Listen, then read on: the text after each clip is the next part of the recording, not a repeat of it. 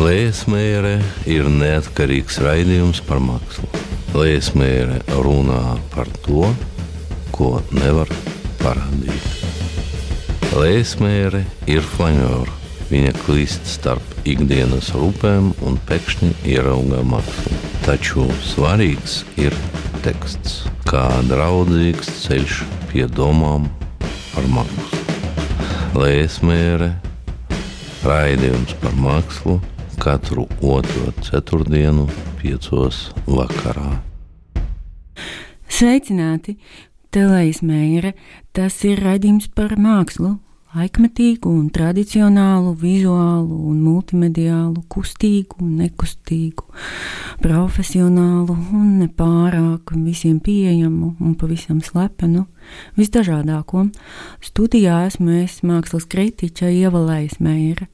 Tiekamies radio Naba Vilnī 95,8 FM katru otro ceturtdienu, piecos vakarā.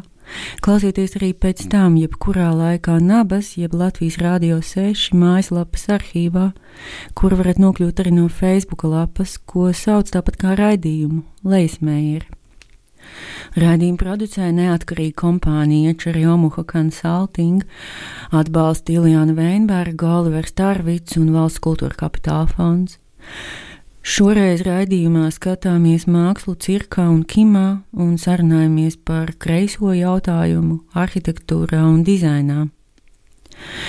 Tā ir trešā saruna šai seriālā. Atcerieties, pirmajā ar sociologu Normundu Kozlovu runājām par valodu, vai precīzāk par tās iespējamību, vai vēl precīzāk par tās neiespējamību. Otrajā ar mākslas kritiķi Santu Hiršu runājām par sociālajiem aspektiem, vai drīzāk to nēsamību saistībā ar vizuālo mākslu, bet šoreiz parunāju ar arhitektu Renāti Pablaku, kā tas tā ir sanācis ka sociāli vērstu prakšu un piemēru gandrīz nav arī jomās, kas vienmēr daudzina, ka vēlas uzlabot cilvēku dzīvi. Sākam ar mākslu, nu, ejam, ejam, nu, teiksim, uz Kim laikmatīgās mākslas centra sākumā. Ja pagājušajā raidījumā apskatītā māksla, proti, Elīnas Vītolas un Amandas Ziemeles gleznas, lika sirsnīgi smaidīt un priecāties, tad šoreiz viss ir citādi. Divās jaunajās kim izstādēs, Ata Jākopsona un Līvas Rutmanis personāla izstādēs, nekā jautra un sirsnīga nav. Tās ir domīgas, apcerīgas un tādas kā noraizējušās. Ata Jākopsona personāla izstādi sauc Režģis, Tajā ir fotografijas un grafikas. Izstādē pievienotajā tekstā autors ļoti sakarīgi raksta gan par izstādes ieceri, gan tās saturu. Nu, lūdzu, paklausieties mazliet. Mani interesē lietot režģi kā metaforu sevi visu ietverošajam kosmosam, caur režģa principu pētīt prāta uzbūvi un tā darbību, ņemot vērā, ka viss, ko mēs piedzīvojam sev apkārt, kā arī iekšpus, virzas caur prāta prizmu, kas pārstrādā ar fiziskajām maņām uztvertos impulsus, kā arī fakts, ka domas fiziski neeksistē un to esamība ir diezgan iluzora, rodas neizbēgama vēlme izprast realitātes relativitāti. Domu un prāta labirints, kas var novest līdz izmisumam, a priori pieprasa kaut kādas uzbūves esamību. Mani interesē veidot iedomātas kartes, kas attēlo ceļu no subjektīvā prāta klejojumiem pie kosmiskām un fundamentālām struktūrām kā arī iespējamie veidi, kā atslēgt prātu no nebeidzamās domāšanas un prātošanas. Un, ziniet, tieši tas šai izstādē arī notiek. Proti, rodas neizbēgamā vēlme izprast realitātes relativitāti. Vēl tur notiek ne vairāk, ne mazāk kā ceļš no tumsas uz gaismu, lai cik banāli tas arī neizklausītos. Ziniet, stipri sakrāli izstāde kaut kādā ziņā. Galīgi nemaz reliģiska, bet sakrāla gan. Kā ierasts skatoties labu mākslu, nāk prātā cita laba māksla. Šī Ata Jākopsona režģa izstāde ļoti sasaucās ar pasen jau laikam Berlīnē redzētu Wolfganga Tilmansa personāla izstādi, kurā visādi citādu attēlu un objektu starpā bija milzīgas, gluži abstraktas foto izdrukas. Kā toreiz sapratu, tās bija ar dažādiem trikiem un variētiem apstākļiem. Caur printeriem laistas gaismas jūtīga materiāla loksnes. Nu, kaut kas tam līdzīgs, pēc noskaņas ļoti līdzīgs. Tilmans kādā intervijā teicis, ka viņa darbu mērķis esot izveidot tādu pasauli, kurā viņam gribētos dzīvot. Iedomājieties, tas taču ir visādā ziņā brīnumaini. Aiziet tepat uz sporta ielu divi un kādu laiku padzīvot tādā pasaulē, kādu mums uzzīmē un uzfotografē kāds talantīgs mākslinieks. Vai es gribētu dzīvot tādā pasaulē, kādu rāda Atis Jākopsons? Visdrīzāk nē, Tā ir nenoliedzami intriģējoša, bet arī tāla un vēsa. Ziniet, man labāk patīk tuvas un siltas pasaules. Kaut kas tuvāks un siltāks notiek Līvas Rutmans personāla izstādē ar nosaukumu, kuru es diez vai izrunāšu, jo tur ir divi R un viens P. Tātad P, R, R, jeb P kaut kādai konkrētībai, īsumā pastāstīšu, ka Līves Rutmanis izstādē ir ne tikai P un R, bet arī filigrāni izvērsti lielformāta zīmējumi, kā arī triks ar kolonnām jeb balstiem. Šīs elements aizkustināja dziļi un patiesi. Vairāk nestāstīšu, tas jāredz un jāpiedzīvo brīnišķīgā atskārta par grīļīgumu, nestabilitāti un pieņēmumu trauslumu, kā kaut ko tiešām garantētu. Dažus no zīmējumiem nevar īsti apskatīt, tie jāskatās caur baltu balsta šķautni, kas maina darba kompozīciju. Vienā zīmējumā ir interjers ar parastiem un neparastiem objektiem, vēl tur spriežot pēc baltā laukuma formas, kaut kād ir bijis kāds kentaurs kā kārtīgā mūsdienu eksistenciālā mākslas darbā pienāktos gar malu zīmējumam nopūsts makrofleks. Nu, jūs zināt, tās riebīgās eh, bāli dzeltenās celtniecības putas. Un skaidrs, kas gan cits, lai satur kopā dzīvi un dairati. Vēl izstādē ir Kaspara Grauševa teksts, piemēram, šāds. Es domāju, diez līva kādreiz ir iemigusi ziedā kā bite, Uzturs ir tikpat trausls kā rīsu krekeris, vairāk satraukuma, konstanti mainīgās ainavas, deviantie pagriezieni pašapsorbējošā šaubu mākonī, atsauksmes, kas nekad nekļuva par burtiem un cipariem, plašu atskaņotāja adatas lēciens, kas nekad nav noticis Elgalandes, Vargalandes karaļvalstīs, mani reiz lūdza ieklausīties zāles skaņās, es labāk iztieku bez vārtiem. Tas bija ieskats Līves Rutmanes un Ata Jākopsona personāla izstādēs Kim laikmatīgās mākslas centrā. Vēl atkal un atkal aģitēšu ceturtdienu un piekdienu vakaros no Alfrēda Kalniņa ielas puses iegriezties Rīgas cirka ziloņu stālī, kur joprojām ir lieliskas mākslas izstādes, pašlaik Anna Ceipe un Klīga. Sērija veida risinājumi un banalīgas. Ievēlējies mērē, uzskata, ka teksts par mākslu arī ir māksla un sarunā par redzamo ir pats interesantākais vispār dzīve. Izņemot seksu un naudu, protams. Lēsmēre raidījums par mākslu katru otro ceturtdienu, piecos vakarā. Tā, tagad kreiso sarunu seriāls. Trešā saruna par mākslu un arhitektūru, jomām, kas tradicionāli saka, ka rūpējas par cilvēku labklājību. Tomēr mūsdienu Latvijā, uzmanīgi paraugoties no tā sauktā vienkāršā cilvēka skatu punkta, kaut kā īsti neko tādu neizdodas ieraudzīt, varbūt slēpjas. Sārunāšos ar arhitekti Renāti Pablaku, Kā vienu no atskaites punktiem sarunai izvēlējāmies brīnišķīgo fotoizstādi par Rīgu 60. gados, kas pašlaik apskatām Latvijas arhitektūras muzejā. Tu saredzi, ka problēma ir tā padomju mantojumā, tik Jā. vienkārši? Uh, nu, tas nav tik vienkārši, tas ir ļoti sarežģīti. Uh, tāpēc, kad uh, vi, viss tas brīnišķīgais, vizuāli, sociālais uh, tēls, visi tie 60. gadu brīnišķīgās mājas un kā katru dienu pieejamais dizains tur skaistajās karotītēs un vēl ko mēs meklējam par second hand veikaliem. Uh, tas viss pa, patiesībā ir atstājis nu, kaut kādu mums romantisku un iluzioru atmiņu par to, kāds ir sociāls dizains. Savukārt, tajā laikā viņš darbojās pavisam savādāk. Tā bija vienīgā uzspiestā iespēja, viss piederēja visiem.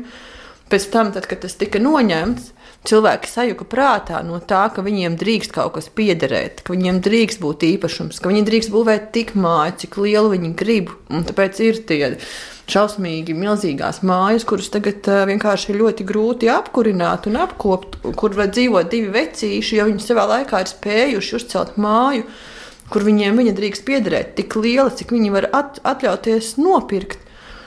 Un tā visa rezultātā no tā, kā pilsētplāno, no pilsētplānošanas viedokļa tika pārvaldīta pilsēta, kur tev nebija tiesības un viedokļi par to, kāda būs telpa, un telpa būs tāda, kādu viņu uztaisīs arhitekti. Un tajā laikā vēl bija mantojums no pirmskara laika un visas ilūzijas par to, ka arhitektam tomēr ir jādara labi cilvēkam. Un viņš centās uzlikt to soliņu. Un ir palikuši visi tie vecie soliņi, kuriem, vai vismaz betona stabiņi, uz kuriem ir aiznesti projām dēlīši. Un pēkšņi šī telpa, kas ir tā kā čipa bijusi pieejama un visiem viss ir piederējis, pēkšņi ir kļuvusi daļēji privāta, kur arī ir noticis smags psiholoģisks ko, nu, konflikts un īstenībā attīstība, kā, nu, kā mēs reaģējam uz kopēju un savu īpašumu, un kas ir pilsētas īpašums un kas ir mans īpašums kā cilvēka. Un kas notiek tad, ja es esmu īpašnieks daudz dzīvokļu mājas dzīvoklī? Un, uh, Un, un, lai kaut ko uzturētu, kādam par to ir jāatbild un kādam par to ir jāmaksā. Un tad ir jautājums, kā mums apsaimniekot kopējo īpašumu, kā mums apsaimniekot katram savu īpašumu. Un, eh, jo lielāka eh, cilvēkiem ir pieredze ar to, kas no, nu, ir kā apsaimniekot kaut ko savu, jo vairāk viņiem rodas sapratne, ka izdevīgāk ir apsaimniekot kaut ko kopīgu. Tāpēc rodas visādas tās kopā, kopā braukšanas, kopā iešanas. Kopā pirkšanas un visādas tādas lietas, kas tā kā veda atpakaļ uz to sociālo, bet jau ar pilnīgi citu regulējumu un jau ar apzinātu sadalījumu, kas kam pieder. Jo Otrs, otra versija ir arī par parkiem un pieejamību par cilvēkiem, kas negrib piedalīties nevienā sistēmā, gan tāpēc, ka varbūt viņi ir garīgi slimi, vai iespējams pat sabiedrībai bīstami vai nepatīkami, kur ir iespēja, ir, ir, ir uzdizainēts pasaulē soliņš, kurš ir maksas soliņš. No viņa ir ārā dzelkšņi, uz kuru nevar apsēsties tāpat kā baložiem izliek, un tad, ja tu iemet naudu, dzelkšņi noiet. Nu, tas gan ir kā joks, un cerams, tāds soliņš netiks nekur izvietots. Es tēlojos, ka tāda soliņa parādās Rīgā pavisam drīzā laikā, īpaši šī slavenajā stacijā, piemēram, Pienāmiera. Nu, Rīga šobrīd atrodas tādā interesantā vietā, kurš, piemēram, liek ļoti milzīgas cerības, ļoti lielas cerības uz to, ka eh, netik, nu, netiks uzbūvēta valsts ēka vietā, kur eh, cilvēki vēlās parku. Un eh, kaut kādā ziņā šis ir kā eksistenciāli svarīgs eh, Rīgas pilsētvides, eh, kā lai to saka, attiecību jautājums par to, kur sabiedrība pati pasaka, kas viņai ir vajadzīgs un ko viņa grib redzēt un ko viņa grib lietot. Starp iespēju, kad patiešām stācijā uzliek maksas soliņus. Tas, nu, tas ir tas pats, kas par demokrātiju, arī par sociāli pieejamu uh, vidi, arhitektūru. Tas ir nu, mūsu katru ikdienas uzdevums stāvēt par to modriem. Nu, kaut, vai, kaut vai tajā brīdī, kad pie arhitekta atnāk investors, kuram ir vīzija, kā viņš uzbliezīs kārtējo bezdvēseles māju pēc iespējas lētāku. Nu, arhitektam jau ir zināšanas un pieredze, kā viņam izstāstīt, ka, kāpēc tai mājai ir jābūt tiem cilvēciskajiem elementiem. Tas viss izklausās ideālistiski un um, uh, forši. Bet, uh, kā, kā ir sanācis tā, ka nu, kopš 90. sākuma tieši publiskie kaut kādi objekti, kā rokās viņi ir nonākuši, par ko ir stāvējuši arhitekti un dizaineri, kas taču ir tikuši piesaistīti šiem projektiem. Tieši publiskie objekti ir um, asociāli, cik vien iespējams. Jā, bet tieši 90. gados arī var mest arhitektiem vislielākos akmeņus. Jo ir ar, arhitektu gada balvu vinnējusi māja, kura ir uh, Tauvas joslā. Māja ir skaista, bet viņa ir Tauvas joslā. Nu, Tas nekas. Un, un tādu māju vispār nedrīkstētu parādīties uh, žurnālā, jo tas ir kauna traips, lai cik viņš dizainiski būtu labs objekts. Un, uh, Jā, un tad, kad es sāku stu, studēt teritorijas plānojumu, tad uh, mums bija ju, jurisprudences stundas, kur visjaukākie, uh, un interesantākie, un smieklīgākie un šausminošākie piemēri nāca no ļoti slavena arhitektu biroja, kurā es biju strādājusi. Darbu realizācijas dzīvē, sākot ar to, kā falši sarīkot apspriešanu un vēl daudzas lietas. Uh, Un kaut kādā mērā jau tas viss turpinās. Rīgā tu, to, cilvēki Rīgā to vēl, vēl daudz vairāk pieskata, bet jūrmāla joprojām ir ārkārtīgi interesants gadījums šajā aspektā. Un citur mēs pieņemam, ka vispār cilvēki nedzīvo, ne? Nē, nu citur nav. Tā, nu, visur ārpus uh, ir daudz labāka tā situācija. Latvijas mazpilsētas īstenībā ir daudz, daudz humānākas. Viņas daudz vairāk pielieto mūsdienīgas uh, pilsētas pārvaldīšanas manieres. Cēsis ir fantastisks piemērs. Tīri no pilsētas plānošanas un kā sadarbojas iedzīvotāji ar pilsētas pārvaldību. Pat Valmiera kaut kādā ziņā, jo tiem cilvēkiem, kas dzīvo Valmierā, patīk, kā viņi tiek pārvaldīti, ko no viņas taisa, kur iespējams citiem cilvēkiem nav malas, viņa liekas tāda, nu, pārāk tehnokrātisks tas virziens, kurā viņi iet. Jā, bet virzieni var būt dažādi. Jā, jā bet cēsīs ir soliņi. Tiešām es redzēju. Jā, un arī kuldīgā ir soliņi, un arī talsos ir soliņi. Un tādā ziņā Rīga ir tāds ļoti īpatnējs, kur, kur saskarās ļoti dažādi, iespējams, ļoti dažādu kultūru un arī, un arī kā to sauc, temperamentu tas savienojums, kā cilvēki spēj pārvaldīt savu īpašumu, kopīgu īpašumu, kā viņi spēj vienoties par pilsētas pārvaldīšanu, un cik, cik daudz lieliem oligarhiem vai kaut kādiem, nu, teiksim, tā, vai kaut kādiem vienam interešu, vienu monopoliem gribās nopelnīt uz citiem. Tas jau viss atspoguļojās pilsētas telpā. Vai tu vari lūdzu nosaukt kādus piemērus, kas tev no nu, kopš 90. līdz mūsdienām nāktu prātā? Mm, kaut kādas tādas prakses, vai gadījumi, vai personas, vai institūcijas, kuras būtu arhitektūras un dizaina jomā pašas mm, inicijējušas, iespējams, finansējušas kaut kā nu, virzījušas kādus uh, sociāli vērstus projektus. Tātad, uh, kad uh, būtu kādi objekti, vienalga nu, vides vai kaut kādi nu, priekšmetu nu, veidā, vai nu, nu, vienalga, vienalga tā, tās jomas ir taču ārkārtīgi plašas. Vai, vai tu vari uh, kaut ko tādu nosaukt, jā, kas būtu tapis ārpus uh, sadarbībai? Ar, ar kādiem eh, investoriem, pasūtītājiem. Tad, tad, eh, Jā. Mm. Kaut vai Andreja Ostas gadījums, tad, kad tur bija mākslinieku kvartāls un uh, bija vēlme uh, no pilnīgi slēgta rajona, tā kā viņā ie, ie, ie, ievilināt, iesaistīt cilvēku. Bija brīnišķīgais periods, kad tur atradās vairāki klubi. Uh, un outletu veikali, mākslinieku darbnīcas, kur Kādi? dažas pat joprojām ir saglabājušās, bet uh, vienā brīdī visus tos māksliniekus izlika ārā. Tāpat tās tos klubus. Mērķis tam nebija mērķis. Uh, uz to brīdi. Šo, šo rajonu atdot cilvēkiem. Mērķis nē, viņi, nē, mērķis bija uz to brīdi. Uz laicīgu brīdi rajonu atdot cilvēkiem, lai pēc tam viņus, lai pēc tam ievilinot pēc iespējas lielāku cilvēku masu, atstātu tikai maksātspējīgo. Nu, par to jau ir runa. Bet tieši tā arī mūsdienās darbojās sociāli, sociāli pasākumi. Viņš nevar saukt par sociālajiem pasākumiem. Nē, nu, viņi kaut kādā mērā ir sociāli pasākumi, un tas, kas varbūt ir skumji. Manuprāt, viņi ir tieši apvērsti sociāli pasākumi. Nē, nu, tā, tā ir ļoti sēna. Te, pilsētu teritoriju plānošanā izmantoja metodi, kā atdzīvināt teritorijas. Uh, nu, Ņujorkā visticamāk, tas jau ir skaitās novecojis un tāds.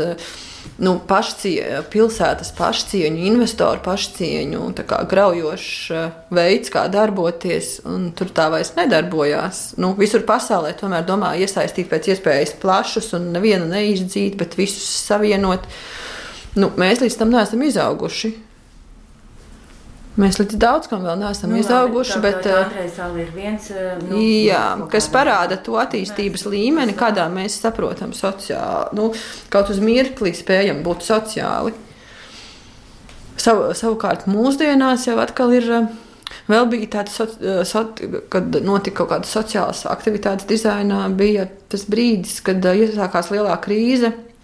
Un bija mākslinieku un arhitektu tā arī tā akcija par pamestajām telpām lai atrisinātu arī pašu namsaimnieku problēmu. Jo, nu, kā, nu, jo nebija jau kas eh, viņiem maksā īri. Ar ko tas rezultējās? Es atceros to. Jā, Un tas rezultējās ar to, ka eh, kad visa krī, krīzes problēmas beidzās, un visi tāpatās draudzīgi nokļuva atpakaļ pie ierastā veida, kā, kā dzīvot. Nu, tas ir iespējams uz kaut kādu laiku, bet tas, kas savukārt notiek tagad, kur cilvēki tiešām domā jau ilg, nu, il, ilgākās kategorijās, kur tas vairs nav uzspiests no kaut kādas nepieciešamības, vai tāpēc, ka mums ir jāatrisina problēma, jo cilvēki šajā vietā nav pieraduši nākt, vai mums ir problēma, ka mums visiem ir baigi grūti ar naudu un kaut kā kopā jātiek galā.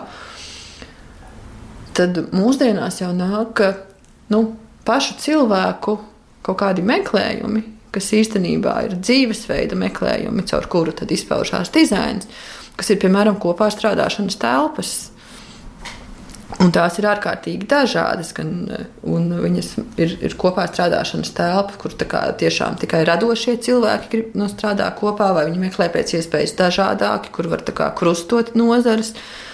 Vai tās ir jaunās māmiņas, kas tomēr domā strādāt un arī meklē kaut kādas nu, ceļa biedrus, kur ir tādā pašā situācijā. Un tad kopā ir vieglāk daudz ko risināt, un viens otru var tā kā katrs var Katrs dara kaut ko citu, un tie piedāvājumi var krustoties un būt viens savstarpēji nepieciešami. Nu, jā, tas, tas, tas uz, to, uz, uz dizainu un arhitektūru tas nokļūst tajā brīdī, kad cilvēki ar savu dzīvesveidu nu, to ienes dzīvē, ka ir, ka, ir, ka, ir forši, ka ir forši braukt ar Erenpreis velosipēdu. Labi, ja, bet iepriekš mēs runājām un, un runājām Un nonācām pie, pie, pie tā, ka nu, tāpat kā attiecībā uz daudz ko mākslā, arī attiecībā uz arhitektūru un dizainu, uz pilsētas plānošanu, kas ar to visu saistās. Tā, kritisks aspekts ir izglītotība, un ar tevi es gribēju runāt tieši tāpēc, ka tu esi viens no cilvēkiem, kas ir kas darbojas tajā apvienībā skolnieks, pētnieks, pilsētnieks, kas dara tieši to, ko nedara valsts izglītības sistēma, kas nenotiek, nu, cik man zināms, nu, bet neko. viens cits jau arī to nevar izdarīt kā tikai paši arhitekti. Nu, jā, tieši jo viņi zina, nu, viņi zina, kas ir svarīgs, nu, ko viņi paši gribētu, lai zinātu tie cilvēki, kas pie viņiem atnāk un kaut ko sagaida, lai viņi zinātu to, to, uz ko viņiem ir tiesības. Un, eh, un ko viņi, viņiem ir tiesības sagaidīt no tā profesionāļa. Tagad mēs izliksimies, kad mums skan kaut kāds reklāmas jingls, ja, kurš droši vien neskanēs, jo nevienam nav laika viņu pagatavot. Bet, eh, ja nu šo raidījumu nejauši klausās kāds um, uh, skolotājs vai skolas direktors, tad uh, esi lūdzu tik labi pasaki viņam, uh, ko viņš var dabūt sadarbībā ar eh, skolnieks, pētnieks, pilsētnieks Jo man tas liekas izšķiroši svarīgi, un es gribu, lai manā raidījumā tagad ir lūk, šīs iniciatīvas reklāmas pauze. Nu, da, dabūt var ir lielā, li, lielāku paciņu un mazāku paciņu. Un, un var arī skatīties līdzi. Nu, pats galvenais ir aiziet uz mājaslapu skolnieks, pētnieks, pilsētnieks.lv. Es ceru, ka es nosaucu pareizi. Un tur var redzēt, ka ir, ir, mums ir metodiskais materiāls, pēc kā īstenībā uzņēmīgi skolotāji paši var mācīt. Ah, viņi jau var lietot. Jā, viņi jau var lietot. Un eh, tas eh, tur arī kolēģis sadarbojas skolu 2030, bet par to es nemāku tik profesionāli pastāstīt, kā vajadzētu. Un vēl mēs vedam uz skolām darbnīcas. Ir, ir, mums ir arī tādas garākas darbnīcas, kurās mēs varbūt reizi gadā aizbraucām, kas ir uz divām vai trim dienām, tāds bloks, un ir tā arī mazāks. Un visas šīs darbnīcas arī var apskatīties. Tur ir sākot no, no tā, kas ir arhitektūras valoda vai no kā mākslas valoda, vai no kā sastāv arhitektūra, vai kā sadzīvot. Mums ir diezgan daudz kā, nodarbības par to, kā, kā sadzīvot kopā dažādām interesēm. Nu, kas, ir tieši, kas ir tieši tā mūsu aprunātā tēma, kā sadzīvot krokodīlim ar žirāfi. Nu, Tas ir tas, ko mēs redzam Rīgā. Kas es, notiek? Es tik ļoti gribētu, ka kaut rādījumā būtu video versija, un mēs varētu izgatavot skolniekam, pētniekam, pilsētniekam reklāmas rullīti, kur uh, krokodils ar žirafi sadodas rokās. Ir tādas uh, un dodas pretī figūras izgrieztas. Atgādināšu, ka sarunājos ar arhitektu Renāti Pablaku, bet pirms atgriezties sarunā klausāmies The Magnetic Fields. till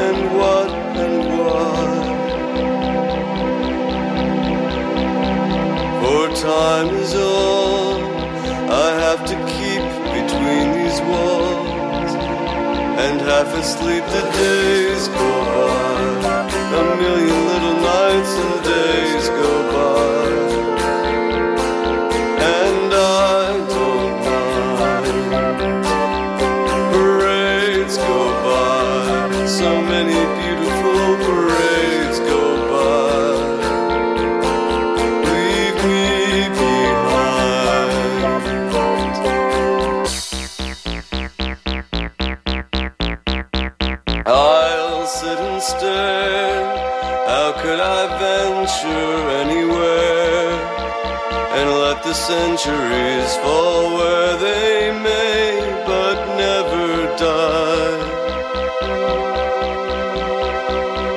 For I have loved, and so I lost the world above. Beyond the moss, the days go by, a million little nights and days go by.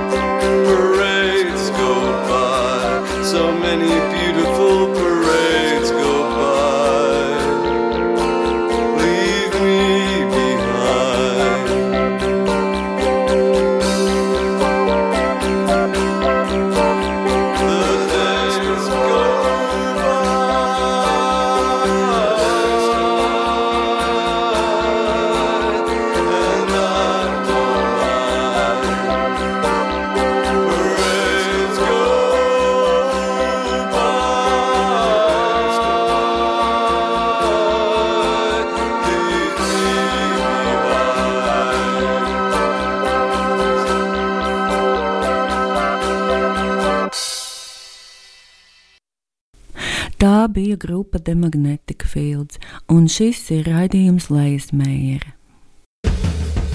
Ievēlēsmēra uzskata, ka teksts par mākslu arī ir māksla, un saruna par redzamo ir pats interesantākais vispār dzīve. Izņemot seksu un naudu, protams. Lēsmēra raidījums par mākslu katru otro ceturtdienu, piecos vakarā. Atgriežamies virtuvē, kur sarunājos ar arhitektu Renāti Pablaku. Runājam par arhitektūru un dizainu, protams. Piemēram, kurš, kas ir izdomājis, eh, ka, piemēram, bērnu laukumiņiem eh, pēdējās desmitgades, eh, kas tiek instalēti Rīgā, viscaur Kas ir tiem cilvēkiem, kas eh, administratīvi un vēl dažādi virza šos procesus, kas ir pateicis, ka šiem laukumiņiem jāizskatās tieši tik ārprātīgi, kā viņi izskatās? Tāpēc, kad, Kur tur bija arhitekts? Es, man ir nācies pētīt šo jautājumu, jo es pati esmu vēlējusies uh, uh, savu klientiem uzlikt uh, bērnu laukumiņu, pa kuru man nav kauns. Un, uh, Tas viss atturās pret to, lai uzliktu bērnu laukumu sabiedriskā vietā. Viņam ir jābūt certificētam no drošības eh, normām. Un, eh, piemēram, ja es pati viņu gribētu uzdizainēt, tad man būtu jāiziet, lai viņu var nosertificēt un lai viņu var, var uzlikt. Un, eh, un tad visa problēma atdurās pret to, ka vajag pieeja, produktu, kuram ir pieejama cena, kurš ad, ad, ir nosertificēts un kurš jau ir. Un nav neviens, nu, ir, nu, īstenībā tā ir brīva niša. Ja kādam no arhitektiem būtu patiešām svarīgi, kā izskatās bērnu laukumiņi, tad es ieteiktu ziedot laiku, varbūt man arī pašai par to ir jāpadomā, ziedot laiku un uztaisīt tādu bērnu laukumiņu, kas liekas skaists un pieņemams un atbilst visām šīm certifikācijas normām lai varētu būt arī kaut kāds nu, jā, tāds lai pats mākslinieks, lai jā, di dizaina ziņā. Uh, būtu pieejamas alternatīvas, kur varētu uzlikt patīkamu un skaistu bērnu laukumu. Bet savukārt, tikko mēs runājam par skaistu dizainu, nu, daudziem kā, dizaina un profesijas brāļiem liekas, nu, ka tas, tas pievienotā vērtība, kas ir dizains, viņai būtu jāmaksā vēl pusi cenas no tā, ko maksā tīri tehniski šis produkts. Jo es, piemēram, uh, Man ļoti patīk smēga leduskapī un smēga izstrādājumi, bet viņu cena, nu, ne, e, nu, varbūt kāds pēc šī raidījuma man varētu pateikt tieši, kura, ja ne tādā dizainā, viņi atļaujās uzlikt to trīsreiz lielāko cenu, kas ir dārgāka par ļoti, ļoti labu sadzīves tehniku firmu, kas pašas skaitās dārgas, bet kuras to savu produktu tirgo arī ar ļoti augstiem tehniskiem rādītājiem. Vai tiešām tie tehniskie rādītāji ir augstāki, vai tā tiešām ir tikai tā pievienotā dizaina cena. Tad, tad tu gribi teikt, ka ja kāds eh, tavs kolēģis saprastu, ka viņš varētu konkurēt šai nišā attiecībā jā, viņš gribētu publiskās vietās, jā.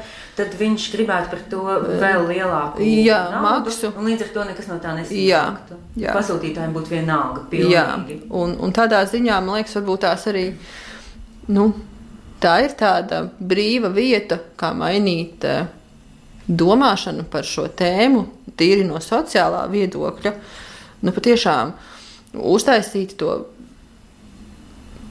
dāvināto dizainu, kur tev vienkārši rūp pašam sava vide, jo daļa tā tavas kopuma nedalīties ar to, ko tu proti, patiesībā pasaule paliek neglītāka. Viss. Sarunājos ar arhitektu Renāti Pablaku, tā bija trešā kreiso sarunu sērija, iepriekšējās meklējiet raidījumu arhīvā. Līdz ar to šoreiz redzējums izskan. Studijā biju es, mākslas kritiķe Ievalējas Meijere. Vēlreiz pateicos Ilijānai Veinbergai un Oliveram Tarvidam par ieguldījumu raidījumu tapšanā. Raidījumu producēja Sijāča Riomuha Consulting, Tas ir mans juridiskais status. Jau kādus desmit gadus nodarbojos ar tekstu literāro redakciju un korekciju, starp citu atvērts jauniem izaicinājumiem un pasūtījumiem. Tā, tehnisko atbalstu laipni piedāvā Radio Naba, kopš novembra raidījuma atbalsta arī Valsts kultūra kapitāla fonds. Par nosaukumu joprojām pateicos Ivaram Runkovskim, par džinglu balsi Semjonam Haņinam un par bungām Aleksandram Baronam. Lūk, kāda brīnišķīga mākslinieka piedalījušies raidījuma dizainēšanā. Apsveriet arī jūs, darbie klausītāji, kādu sadarbības formu. Bīkli atgādināšu vēlreiz, ka raidījums top sabiedriskā kārtā.